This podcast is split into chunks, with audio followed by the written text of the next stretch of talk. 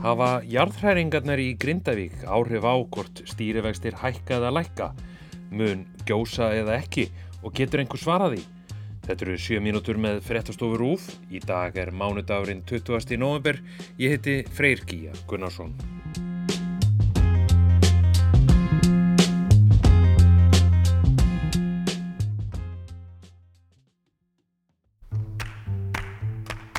Seðlabankin hækkaði stýrivexti í tólta sinni í röð í morgun. Það er komið að þessum tíma. Hægfræðingur telur flest benda til þess að Seðlabankin hækki stýrivexti Stýrivextir eru orðinir 9,25. Þverst á flestar spár sérfræðinga á hvað peningastefnun Nú er það ekki bara verðbólga og verðbólgu væntingar sem hafa áhrif, heldur líka náttúruöflin.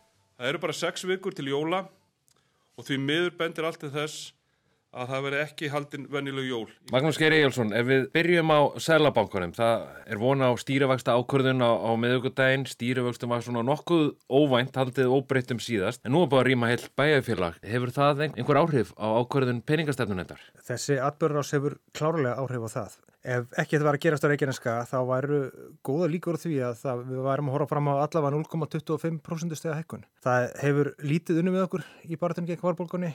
Krónan er búin að vera mjög lasin undanfarnar vikur. Sælabankin greip inn í og seldi gjaldir fyrir miljardar til að halda krónun á floti. Það er núna undir loka oktober sem að fyrir svona bæta í veikin, veikingartaktin og, og síðustu 23 vikur hefur.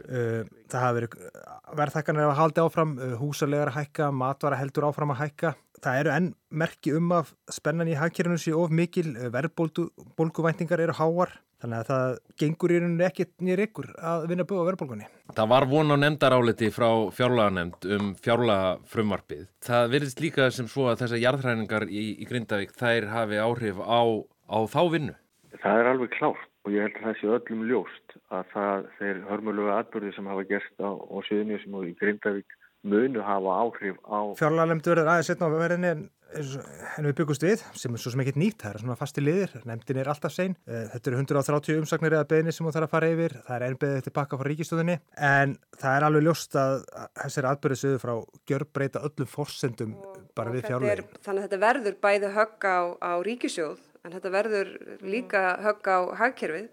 Og jafnvel þótt að gjósi þá er orðið ljóst að tjó, tjónið er nú þegar orðið geimanlegt. Svo verður væntarlega umræða um það á alþingi í dag og næstu daga þetta frumvarp ríkistjórnarinnar uh, til stuðnings grindvikingum varðandi launagreislur næstu þrjá mánuðið. Það sem við byrjuðum á að gera var að fara í afkomumálinn og frumvarpi hefur þegar verið dreift á alþingi sem trygg. Já, þarna fór ríkistjórnin í COVID-helluna sína og sótti eina af þeim aðgerir sem þar voru laða fram. Fólk sem er með starfstöðu í Grindavík fari greitt alltaf 633.000 krónur á mánuði. Vermiðin við þetta er svona áallar 1 til 1,5 miljardur á mánuði. Við vitum að sjálfsög ekkit hversu lengi þetta ástand varir þannig að bara rétt eins og matið við tjónið í Grindavík þá er þetta bara útfylgtu tjekkin í framtíðina.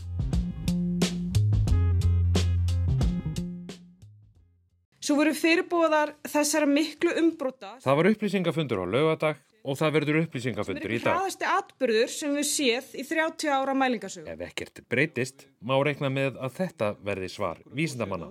Ég held að eins og staðinni núna ættu við bara, er, er bara svipaða líkur og gósi. Meðan að svo staða er að þá eru verulega líkur á að þetta endi með gósi. Þannig að þú, þú ert í raun að segja að það eru meiri líkur en minni á að það möðunni gjósa. Já, ég held að við verðum að telja það. Ragnhildur Torlasíus, þetta hefur verið svona algengasta svarið síðustu daga að þessu enn mikla líkur á gósi. Svo staða, hún er eiginlega bara óbreytt eða hvað? Já, þegar þetta er tekið upp á sunnundags eftirmyndegi, best að bara setja þann fyrirvara. Já. Já, það bara óbreytt og á meðan að kvika heldur áfram að streyma henni innan gang og eins og Kristín Jónsdóttir saði um helgina að þá kannski þyrti mjög lítið til að það fara að gjósa því að kvikan sé komin svo ofarlega. Eh, kvikan er líklega komin freka grönt og kannski þarf ekki mikið látök til að það komi til gós. En við vonum náttúrulega bara að þetta gerist ekki. En menn hafa komið auga á að það er svona Mm. byrjaður landris aftur þarna við svartsengi. Já, og það er náttúrulega kannski einmitt það sem að fólk er, já, farið að sko draugunum svolítið aftur þangað. Uh, það er kvika, sko þegar að, að það hafi náttúrulega verið landris þar, umtalsvert og kvikan hljóp síðan þarna undir sundnjúka gíga og, og, og, og hérna undir Grindavík og út undir sjó. Tæmdi þessa sillu undir svartsengi og þorbirni og svo kvika farin að sapnast saman aftur þar núna. Og hvað verður um hana og hvert hún fyrr, það er náttúrulega áhugjefni. Það var líka svolítið aðteglisvert sem að var talað um á þessum upplýsingafundi, það var það að vísitamenn hafa svona farið að tala um það að þetta sé farið að minna svolítið á fyrsta gósið mm. í, í, í þessu umbróta tímabili. Já, 19. mars 2021. Komið sæl, við flytjum ykkur þennan auka frétta tíma til að segja frá því að eldgófs hófst í Fagradalsfjalli á Reykjaneskaga á tíunda tímanum í kvöld. Eldgósi... Af hverju er það? Af því að þá náttúrulega myndaðist svona kvikugangur og svo dróð mikið úr jæðskjáltavirkninni og það var ekki fyrir en þá þarna um kvöldið, um nýjuleitið ef ég mann rétt, sem að kvikan fór svona nánast að leka upp á yfirborðið. Þá sáum við með draga mjög mikið úr aflögun, úr skjáltavirkni mm. og svo kom gós, þannig að það er eitthvað sem mætti ekki að koma okkur óvart. Þeir jarðvísitamenn sem að sko, fjölmjölar höfðu tala við, þeir mátu það sem svo, það er nú kannski frækt að það var eitt þeirra sem festist á fossiðun okkar, uh, þar sem hann sagði að það væri ólíklegt að það færi að gjósa já. við hliðin á fréttinum að það væri byrjagós. Já, já, sko þetta er mjög óheppilegt að þessi ágæti jærfisindum aður skilti lenda í þessu og þetta er náttúrulega bara það sem að fólk er núna að hugsa um, er þetta, er þetta trend sem að gæti orðið að, að, hérna, að það færi bara leka þarna aftur upp eða bara byrja að gjósa. Mikla tækni og sífælt aukna þekkingu í jarfisindum þá takst náttúrun ennþá að koma okkur óvart. Allavega skilst mér að það sé ekki eins og fólk hafði áhyggjur af þegar að kvikugangurinn ruttist þarna áfram með alveg rosalegum krafti að það er því mjög stórt gos. Núna heyrist mér að það sé svona fólk búist að frekar við einhverju minna eins og þarna við faradalsfjall.